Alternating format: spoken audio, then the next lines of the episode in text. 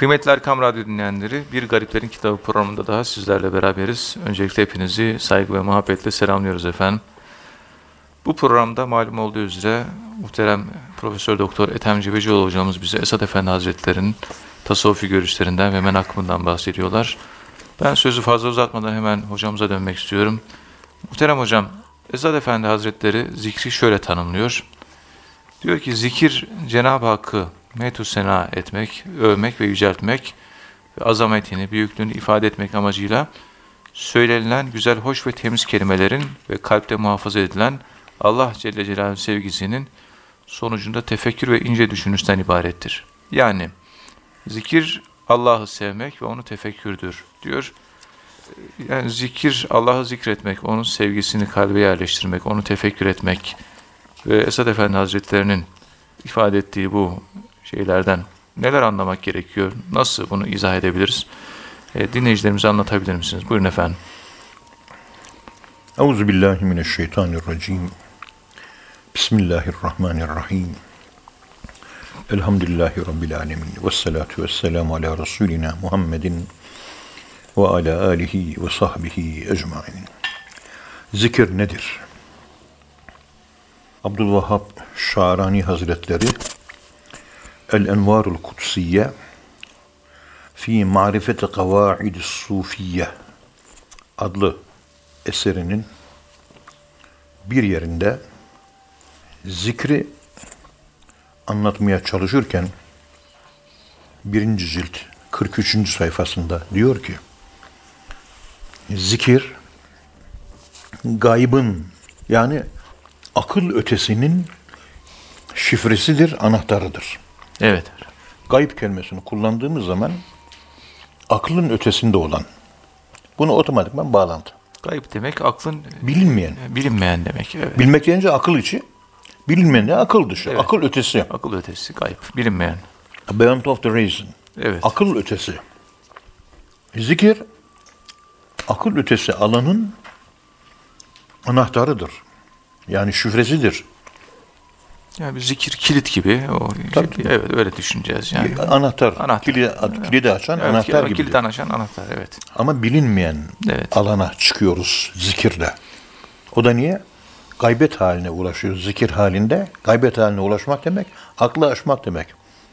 Ve orada yaşadığımızda dile getirip anlatamayız. Tasavvufi hallerin anlatılamazlık özelliği var. Kenarından köşesinden bahsederiz ama kendisi anlatılamaz. Yaşanır, mennem yüzük lem yarif, tatmayan bilemez. Yaşamak lazım. Evet, hal olduğu için demek ki onu Tabii. evet yaşanılıyor. Zikir diyor ki hayrı çeken bir şeydir diyor. İyiliği çeker. Zikretmek, Allah'ı zikretmek iyiliğe motive eder. İyilikleri cezbeder, çeker. Bir de yalnız kalan, yalnızlık hisseden, yalnızlık duygusuna kapılan, yani melankoli yaşayan insanların yoldaşıdır, arkadaşıdır. Yani kötülüğü de def eder anlamı da çıkar. İyiliği celbeder, kötülüğü def eder. sosyal neydi o? Sosyal medyaya girmiyor. Facebook'a girmiyor. Evet. Telefon mesajı çekmiyor. Telefon etmiyor. Evde yalnız başına duruyor. Yalnızlıktan dolayı canı sıkılıyor.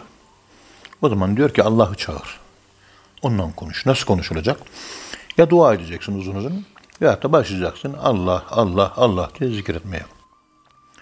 İşte kişiyi dikkat edin bir dış yalnızlık var bir de iç yalnızlık var. Evet. Dış yalnızlık, ben şu anda evimde oturuyorum. Hiçbir insan yok etrafımda. Zahiri yalnızlık. Bir de Kızılay'ın ortasında kalabalıklarda yürüyorum. Orada da yalnızlık duygusu var bende. Evet. Bu da psikolojik yalnızlık. İnsanların içinde ama yalnız. Aynen böyle. Maddi ve manevi yalnızlıklarda insanın en iyisi. Kalabalıklarda yürüyorsunuz, insan ormanındasınız, hiçbir tanıdık yok. Bir tevahhuş, bir korkuya kapılıyorsunuz kalabalıklar. Korkutamazsınız ben diyor. Necip Fazıl Kısaküre'nin bir ifadesi var. Kalabalıklar durun diyor. Hani Evet. hareket halinde olması korkutuyor. Durun diyor. Evet. İşte bu, bu şekilde fizik ve afizik yalnızlıklarda caddede giderken kalabalıklarda Allah zikrine devam et. Yalnız değilsin diyor. Beraberlik yaşıyorsun. Ve tek olmaktan kurtuluyorsun. Bir dostun en iyisin, arkadaşın var. Fizik olarak insanlardan uzaksın, evde oturuyorsun. O durumda da zikre devam et. Yani kalabalıklarda ve yalnızlıklarda yaşanan bir korku, onu giderir zikir. Bir de sürekli zikir halinde olmak bir kişinin evliya olduğunun belgesidir. Menşur kelimesi kullanıyor. Gaflet halinde bile olsa e, zikrin terk edilmemesi gerekir. Mesela gaflet halinde şöyle izah edeyim. Televizyonda haber izliyorsun. Haberlere kafayı taktık. Ama dünya işlerine, olaylara o da lazım. Dünya işleri de lazım. Onu izlerken bile yani Allah'tan uzak kalma hali. Yine Allah zikrini çekerek izleyeceğiz, dinleyeceğiz. Evet.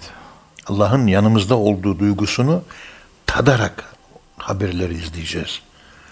Olayların, ajansların, izlediklerimizin içinde kaybolmayacağız. Stres meydana getiriyor. O kadar çok acı olaylar oluyor ki haberleri izlerken iç basınç, stres artıyor. Yıkım sağ. Tabii iç basınç ve stres artınca içeride ruhumuz yara alıyor, yaralanıyor. Bu da iç sıkıntısı, e, teselli bulamamak. Efendim söyleyeyim, doyumsuzluk, tatminsizlik modern insanın özellikleri bunlar. Evet. Eşyada boğulmuştur. Fenomenlerde, olaylarda boğulmuştur. Halbuki olayların ve dünyanın üzerinde bir sörf yapacağız.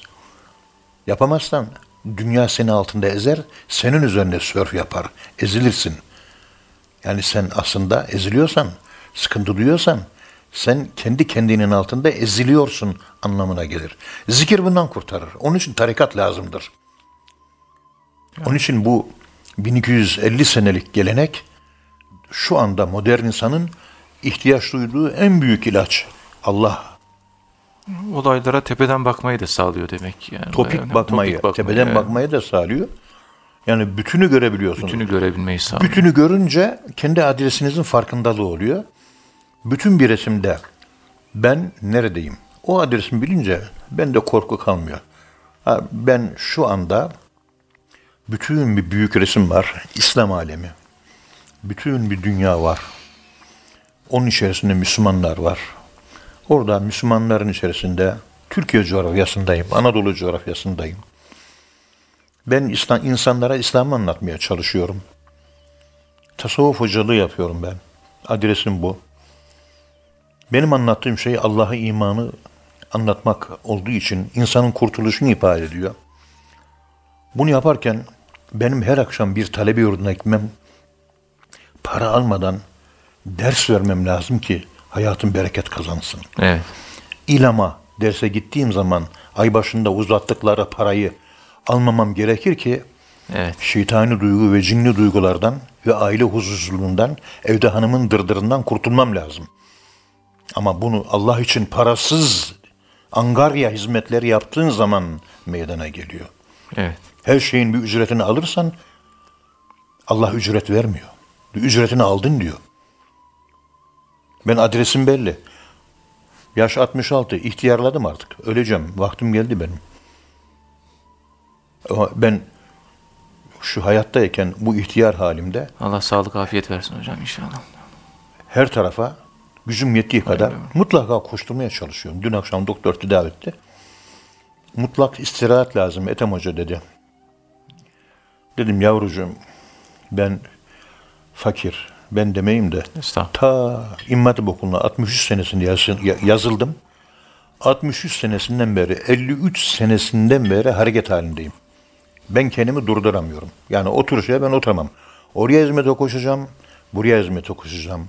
Şuraya hizmete koşacağım, şuraya hizmete koşacağım.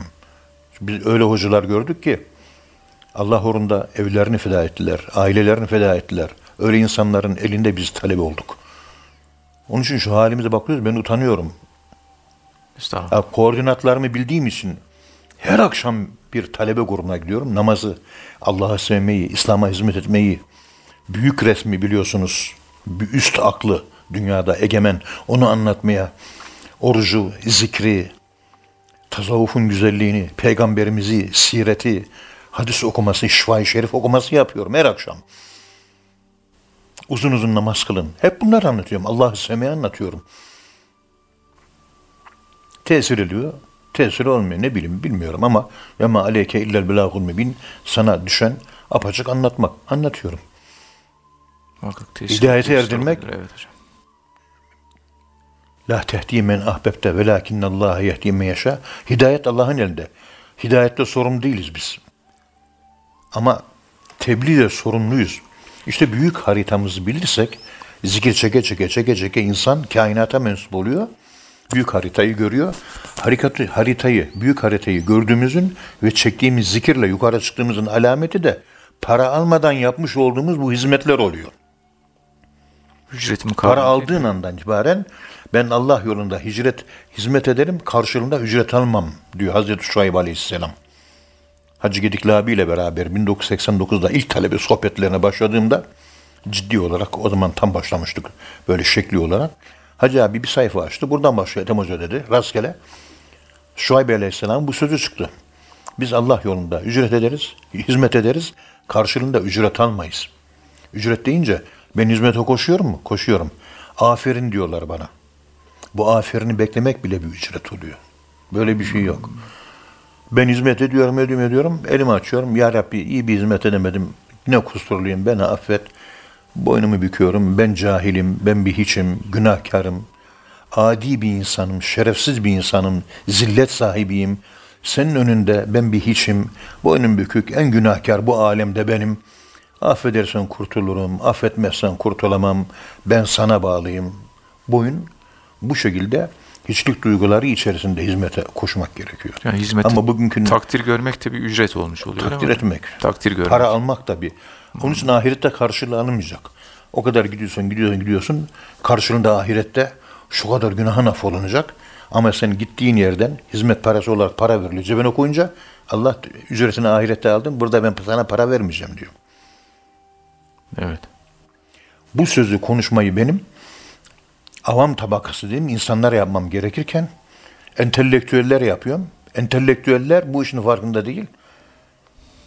Tasavvuf kitabı okuyor, yatıyor, kalkıyor, tasavvuf kitabı okuyor, ahlak okuyor, bilmem ne okuyor. Şu konuştuğum basit konuyu aşamamış entelektüel bir sürü insan yok mu? Var. Üç kuruş hizmet ver bana 35 lira saati ders veriyorum diyor. E sen de para alıyorsun. Hanım da öğretmenlik yapıyor, para alıyor. 10 bin lira para giriyor. Hala bilmem nerede alacağın 175 liralık ders ücretinin peşinde koşuyorsun. Bu olmaz. Yani yukarı çıkamadın, topik bakamıyorsun, zikir çekmiyorsun, büyük haritayı göremiyorsun, okuyamıyorsun hayatı. Evet. Anlamına gelir. Yok. Herkes seküler olmuş. Ya bu dinar. Herkes paraya tapıyor. Ha- Hafızanallahu an zalik. İşte zikirin burada Envar'da İmam-ı Şahrani Hazretlerinin birinci cilt 43. sayfada anlattığı şey budur. Yani ve ekliyor diyor gaflet halinde bile olsa zikrin terk edilmemesi gerekir. Dünya gaflet. Çıktın Ricalullah tulhihim ticaretun ve la bey'un an zikrillah. Kalabalıklarda Allah'la beraberlik. Evet. Halvetler, encümen, Nakşibendiliğin kuralı. Bunu bırakmamak lazım. Kişi zikrin değerinden hiçbir şey elde edememiş olsa bile Allah Allah diye zikir çekiyor ama gafletle zikir çekiyor. Gafletle çekilen zikirde bile olsa Allah'la beraber vakit geçirmiş olduğu için o vaktini Allah Allah diyerek geçirmesi, vakti şereflendirmesi kendini şereflendirmesidir. Vakti şereflendirmek, kendini Kendi şereflendirmek. şeref tabii. Kendi vakit hal demektir aslında Arapça. Şeyde bizim tasavvufta. Vakitler hayrola. Halleriniz hayırlı olsun. Bildiğimiz zaman süresi değildir o. O da ayrı bir konu. Ee, Profesör Stephen Hawkins'in e, Short History of Time adlı Nobel ödülü kazanmış bir kitap var. Zamanın kısa tarihi diye. Onu bir okuyun da. Ondan sonra tasavvuftaki zamanı okursanız Evet. biraz daha farklı anlam oluyor. Profesör Kaku zaman üzerine açıklamaları var. bizim tasavvuftaki tasavvuf erbabının yapmış olduğu, şeyhlerimizin yapmış olduğu zaman tarifi, vakit tarifi çok ilginç bir manzara gösteriyor. Arapçada zaman ifade eden lügatta 58 tane kelime buldum. Zaman. Ve 80'i bulacağını da zannediyorum. Ve şu anda onun üzerine çalışıyorum. Ki bunu bilmekte fayda var. Bize lazım olan bu. Esad Efendimiz Hazretleri de Risale-i Esadiye adlı eserinin 12. sayfasında buyuruyor ki Zikir Allah'ı övmektir. Allah'ı yüceltmektir. Allah'ın azametini, Allah'ın büyüklüğünü ifade etmek amacıyla söylenilen güzel, hoş ve temiz kelimelerin ve kalpte muhafaza edilen Allah sevgisinin sonucu olarak tefekkür ve ince düşünüşten ibarettir. İnce düşünüş de bütün haritanın hepsini görmek demektir. Zikirle o noktaya ulaşıyorsan hayatına bu şekilde yansır. Biz bu şekilde hizmet edip de hizmet karşılığında para almamayı önce Sami Efendi Hazretleri'nin öğrendik. Sonra Musa Topbaş Efendi Hazretleri'nin öğrendik. Ondan sonra da Osman hocamızdan öğrendik. Her şey para değil.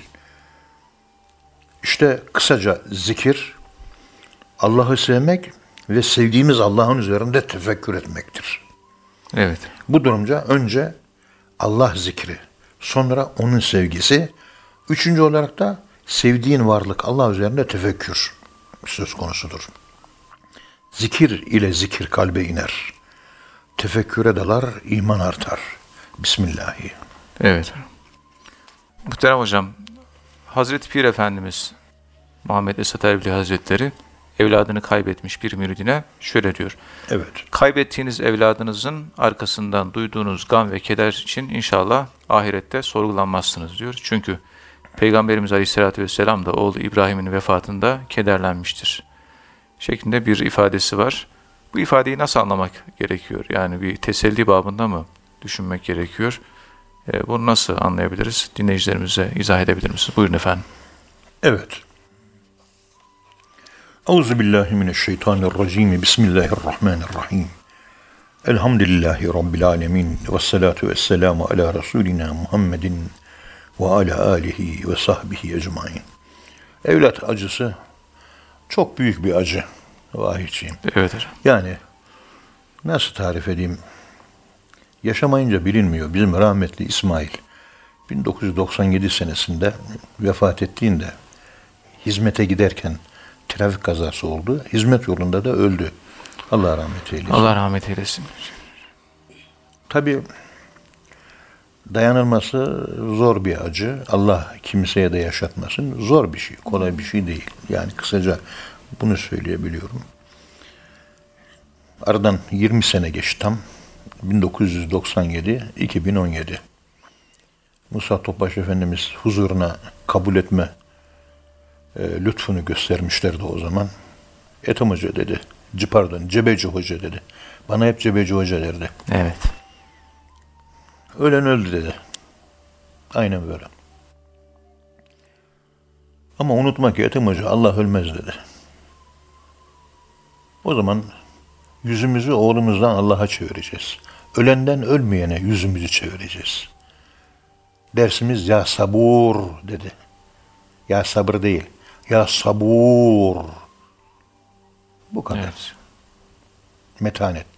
Çok çok önemli yani. Evet. Çok önemli. Evet ifade. Yani bu sabır içerisinde bir sabrın da bir edebi var. Sabrın edebi var. Sabrın edebi Nebhani o meşhur eseri Keramat-ı Evliyasında birinci cilt 301. sayfasında bir ifadesi var. İbni Ata diyor ki sabır musibetler içerisinde bile hüsnü edebi koruyabilmektir. Bitti. Sabır, sabır, dikkat edin. Sabır musibetlerin arasında o hüsnü, edebi, yani edep güzelliğini koruyabilmektir. Evet. musibetler arasında edep güzelliğini koruyabilmektir. Gökten belalar iniyor ama, Ama- edebini bozma, şeklini bozma. İstikamette e, bo- bozulma olmayacak yani. Edepte Yok, bozulma isyandı, şuydu, buydu. Bunlara yer yok.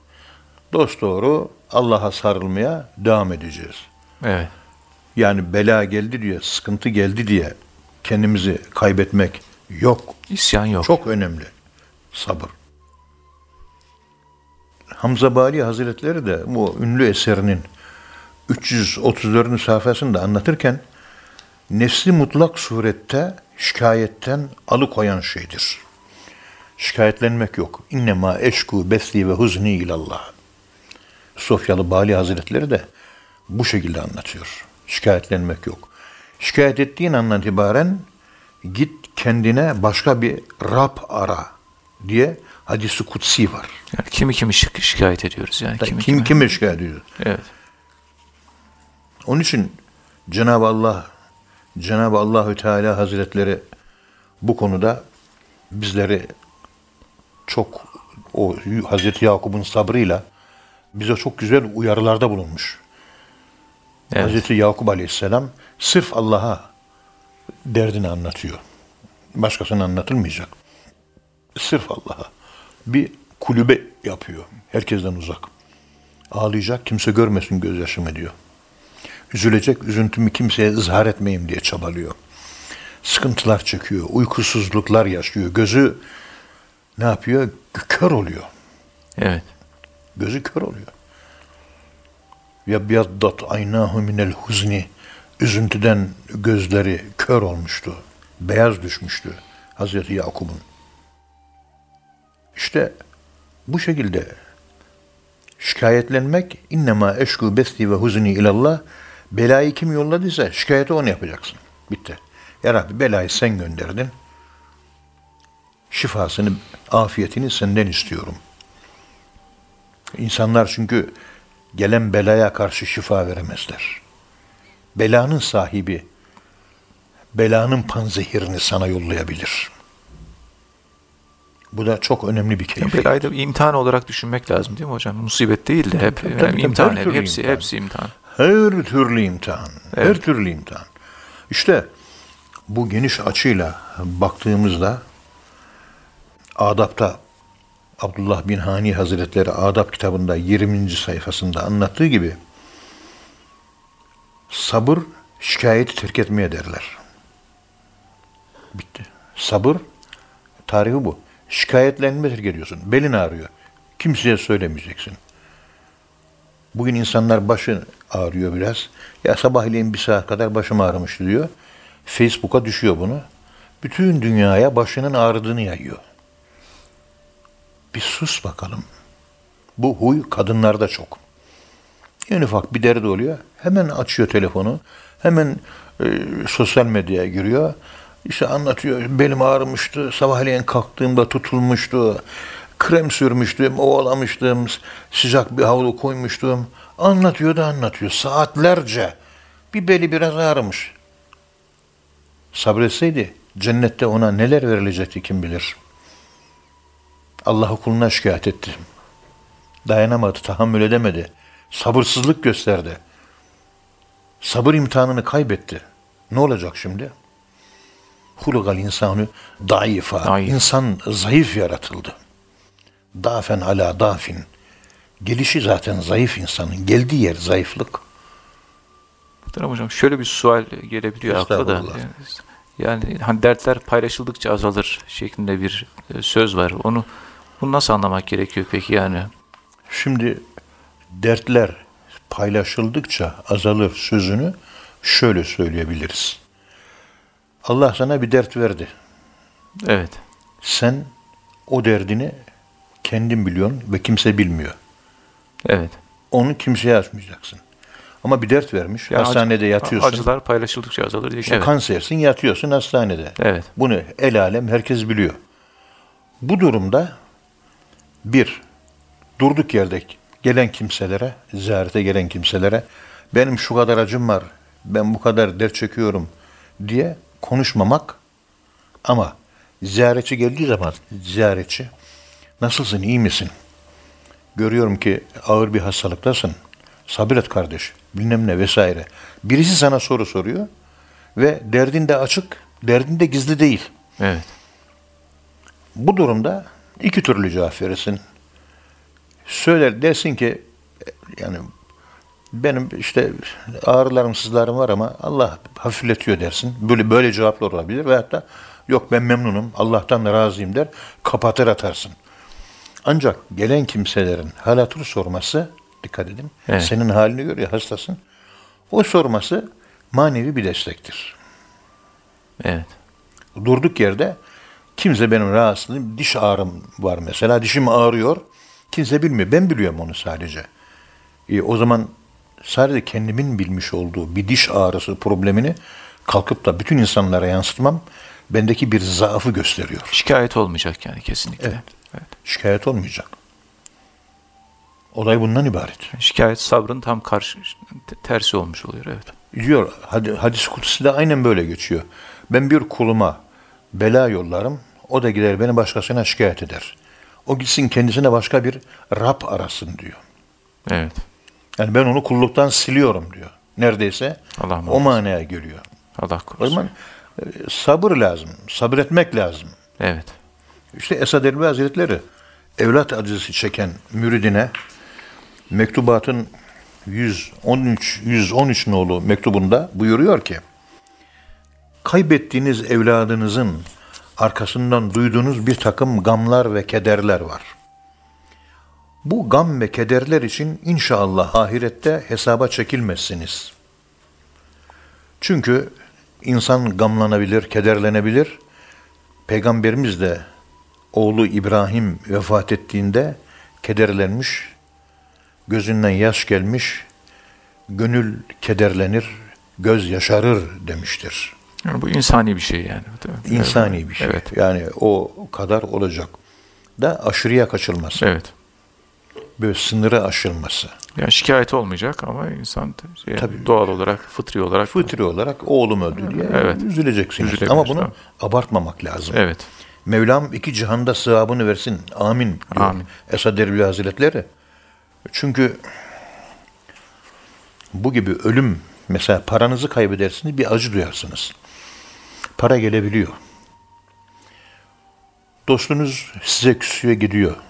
Yeni dostlar elde edinebilirsiniz. Evet. Gerisin geriye gelebiliyor. Eviniz yıkıldı. Yeni bir ev alabilirsiniz zaman içerisinde. Geliyor. Evet. Efendim elbiseniz eskidi, eskidi diye üzülüyorsunuz ama yeni bir elbise alabilirsiniz. Arabanız çarpıldı, yamuldu, yumuldu. Yeni bir araba alabilirsiniz.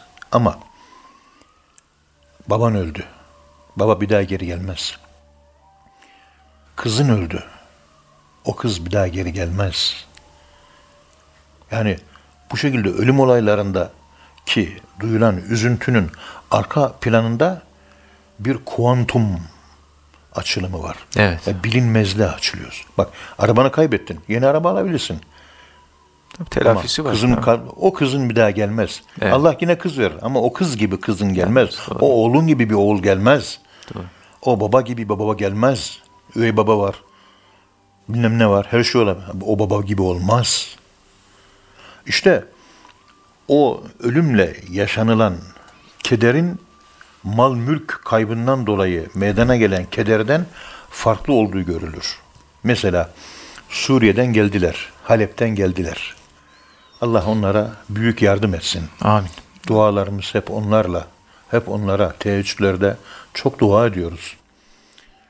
İnşallah İslam alemi kurtuluşa erecek. Şimdi kaçmış gelmiş Halep'ten. Hiçbir eşyası yok. Sayın Cumhurbaşkanımızla bana görüştü. Evet. O küçük kız. Sayın Cumhurbaşkanımız evladı gibi onu sevdi, bağrına bastı, öptü. Yavrum dedi, evladım dedi, teselli etmeye çalıştı. Evet. Bana kelimesinin manası nedir diye sordu falan böyle bir şeyler. Tabi onlarla beraber gelenler televizyonda dediler ki hiçbir eşyamızı getiremedik. Üzerimizde elbise o.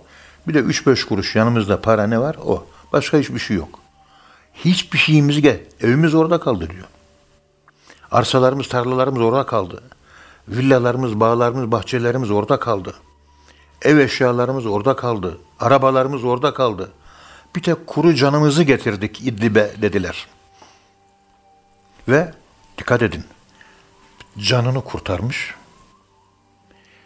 Elhamdülillah sağ olarak geldik diye gülüyor ve seviniyor. Her şeyini bitirmiş, bir tek canı kalmış. Demek ki can hepsinden azizmiş. Evet. E, bu olaylardan tabii ibret alma açısından şöyle bir yukarıdan baktığımızda yani bir oğlunuzu kaybettiniz, kızınızı kaybettiniz, annenizi kaybettiniz, babanızı kaybettiniz. Tamam kaybettik. Bir acıdır. Telafisi mümkün olmayan bir acıdır bu. Mal mülk telafi edilebilir. Zavallı Halepli Müslüman kardeşlerimiz kaçtılar geldiler. Yarın bir gün Cenab-ı Allah vüsat nasip edecek, genişlik verecek. İnşallah. İşte mal verecek, mülk verecek. Yine bir evleri iyi kötü olacak. Yine para sahibi, elbise, araba sahibi elbet olacaklar yine. Olmayacak değil. İnşallah. İnşallah. Yani elde ediliyor ama can kaybettin bir daha geri dönüş yok. Geri, geri dönüş yok. Gittin gitti. Selamun aleyküm. Geri geliş yok. Kaybettiklerimiz ölüm sırasında ölümün bir okuması yapılma söz konusu olursa ölüm hakkında konuşma yapacaksak ölümü okuyacaksak ölümle beraber yaşanan kayıpla ölümün dışındaki yaşadığımız kayıpların arasında fark. Adam bacağını kaybetmiş sigaradan. Televizyonda geçen izledim, üzüldüm de bir yandan. Damarlar tıkanmış damın. Öbür bacağı da gitmiş. Derken sol kolunu kesmişler. Yine sigara içmeye devam ediyor. Ondan sonra sol kolunu da kökünden kesmişler. Hala sigara içiyor. Ondan sonra sağ elini kesmişler. Ondan sonra dirsekten kesmişler. Ondan sonra omuzdan kesmişler. Vücudu bir göğüs bir de kafadan ibaret kalmış. Üyeler el ve ayak üyeleri kaybolmuş. Çocuk gibi yatıyor. Sigaradan, sigaradan. Kafasını oynatıyor. Başka bir şey yok. Sigara. Hala hanımına diyor ki bir sigara ver de içeyim diyor. Evet. Ve mutlu adam. Niye böyle mutlusun dediler. Hayattayım yine sigara içiyorum dedi ben dedi. Hayattayım yine sigara içiyorum. Mutluyum tabii dedi. Can her şeyden azizmiş. İnsanın en kıymetli şey canıdır. Onun için Allah yolunda en kıymetli varlığımız canımızı feda ettiğimiz için hepimiz cennete gidiyoruz, şehit oluyoruz. Şehitliğin üstün olmasının sebebi bu. Candan daha aziz, candan daha kıymetli, candan daha şerefli bir sermayemiz yok bizim. Onun için şehit deyince bir düşünüyoruz, hüzünleniyoruz. Tahsin amcayla Çanakkale şehitliğini ziyaret etmiştik. Balıkesirli Tahsin amcayla. Evet hocam. Oradaki şehitliklerin bir kısmı sembolik. Şehitlik değil ama işte burada şunlar gömülüdür diyor. İşte bir grup askerimiz şehit olmuş. Onların adına sembolik mezar yapılmış. Mezar değil aslında. Bir hatıra olarak olsun diye yapılmış. Evet. Bir kısmı da hakikaten şehitlik. Tabi şehitlik diye biz önünde duruyoruz. Bizi gezdiren zat işte işte burada şehitlik budur dedi. Bunlar burada ölmüş, şehit olmuştur, şudur anlatıyor. Tahsin amca bazı şehitliklerin önünde gözünden yaş geliyor. Bazı şehitlik denilen yerlerde de gözünden yaş gelmiyor. Bizi gezdiren arkadaş dedi ki Tahsin amcanın gözünden yaş gelen yerler hakiki şehitlik dedi. Söylemiyor kendisi. Gözünden yaş gelmedik yerler de dedi şehitlik değil sembolik şehitlik dedi. Hmm, Mezar var, mezar yok. Ha, Evet. Bu neyi gösteriyor? Tahsin amcamız ölmeden önce ölmüş, ölülerle, şehitlerle senkronizasyona girebiliyor. Bizde o duyarlılık yoktu.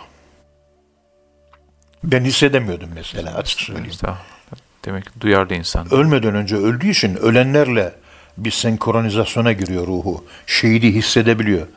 Biz daha şehitleri hissedemiyoruz. Ancak şu kadar işte 50 tane polisimiz şehit oldu. Şu kadar askerimiz şehit oldu. Bu haberleri aldıkça İstanbul'dan sağdan soldan o esnada gözlerimiz boşalıyor, ağlıyoruz. Ama elimizden de bir şey gelmiyor. Cenab-ı Allah milletimizi, memleketimizi görünür görünmez her türlü belalardan muhafaza buyursun. Amin. Amin. Efendim Bir yakınını kaybetmek zordur efendim. Gönül gamlı, dünya ona dar gelir efendim. Sabretmek lazım. Bismillahirrahmanirrahim. Evet, Cenab-ı Hak memleketimizi muhafaza eylesin. İnşallah hocamızın anlattıklarından da istifade etmeyi nasip eylesin. Muhterem dinleyenler, bir programın daha sonuna geldik. Bir sonraki programda tekrar buluşmak ümidiyle. Hepinize Allah'a emanet ediyoruz. Hoşçakalın efendim.